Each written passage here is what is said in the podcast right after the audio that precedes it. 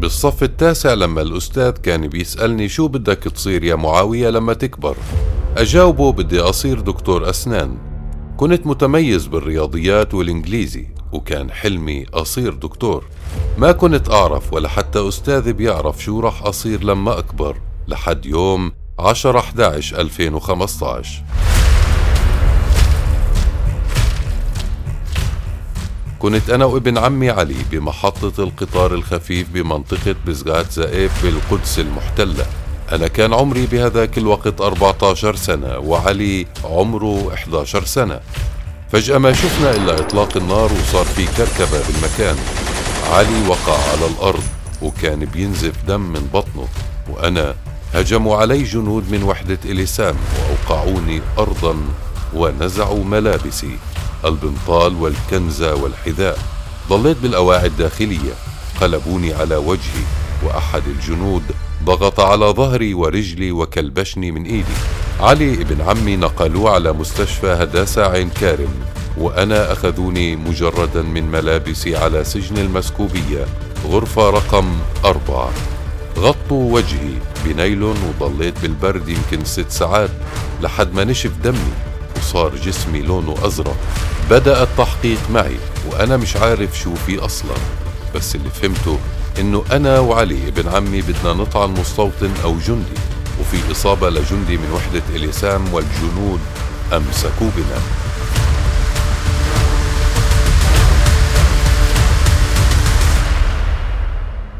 تهمتنا محاولة طعن جندي من وحدة إليسام وهذا الحكي مش صحيح.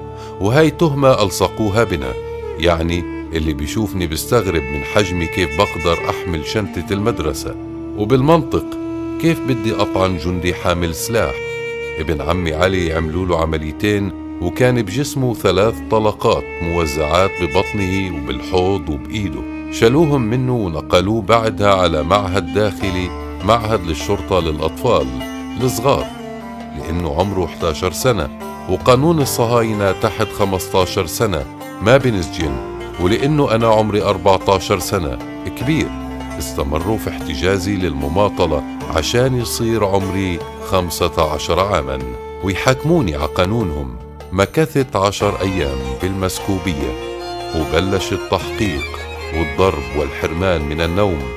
نشفوا دمي وكانوا يسبوا علي ويوقفوني بالبرد بدون أواعي. لحد ما الدم بجسمي نشف وصار لونه تحت الجلد أزرق.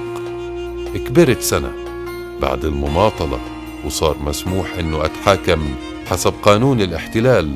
وزني صار عشرين كيلو من التعذيب وصرت أرتدي نظارة طبية لأنه نظري ضعف من التعذيب. لبست جاكيت وأواعي لونها بني أكبر من جسمي مصنوعة للرجال للرجال بمفهوم الحجم. بس أنا والله رجل وهالجاكيت بالنسبة إلي وسام فخر. ما كنت أقدر أنام بالسجن وكنت أنام بالمحكمة من التعب. بس أشوف وجوه بتشبهني أشعر بطمأنينة وأنام. القاضي بيستعرض بالتهم وأنا نائم.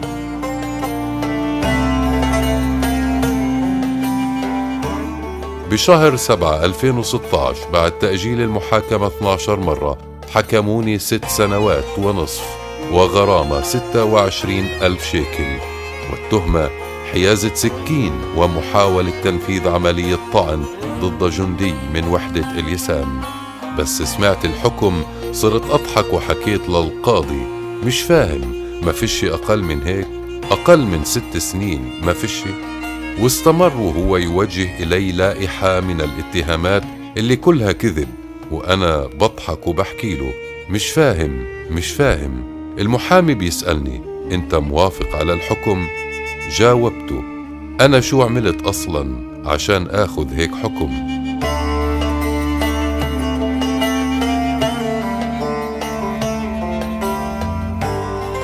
بالأخير انسجنت وأنا مش فاهم شو في ولا ليش ولا حتى وين أنا.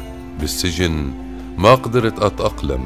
والوضع صعب لكن كونه ما في حل ولا في أي إشي ممكن يخفف عليك بدك تضل مبتسم وتضحك أمام الجنود عشان تقهرهم وتخفف عن حالك لأنه ضحكتك وابتسامتك هي سلاحك بالسجن.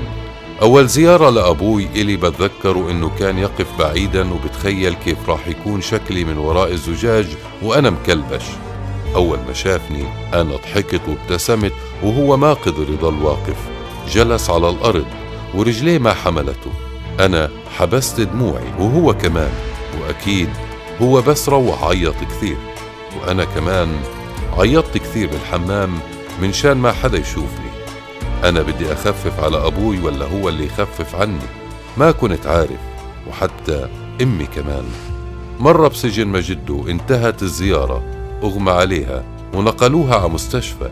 كانت تيجي تزورني بظروف زيارة صعبة. مرة كل أسبوعين أو كل شهرين أو كل سنة.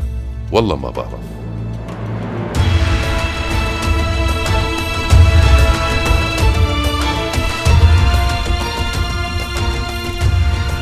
الوقت بالسجن اليوم كان بمر كأنه سنة. كانت تجيب لي أواعي معها وكل مرة ترجع تروحهم معها ويمنعوها تفوتهم. مش قادر أتأقلم ولا أتعود. شغلوني بكانتين السجن لأني شاطر بالحساب وأمين. أمي عملت ثلاث عمليات ومضى وقت طويل ما تقدر تزورني وبس أسأل عنها بيحكولي إنها مشغولة مع إخواني. مرة سمحوا لها تشوفني بدون الزجاج العازل وتتصور معي. حضنتني وعيطت كثير. والمرة اللي بعدها ما قدرت تتحمل وتيجي تزورني وتشوفني من برا الزجاج. شو أعمل؟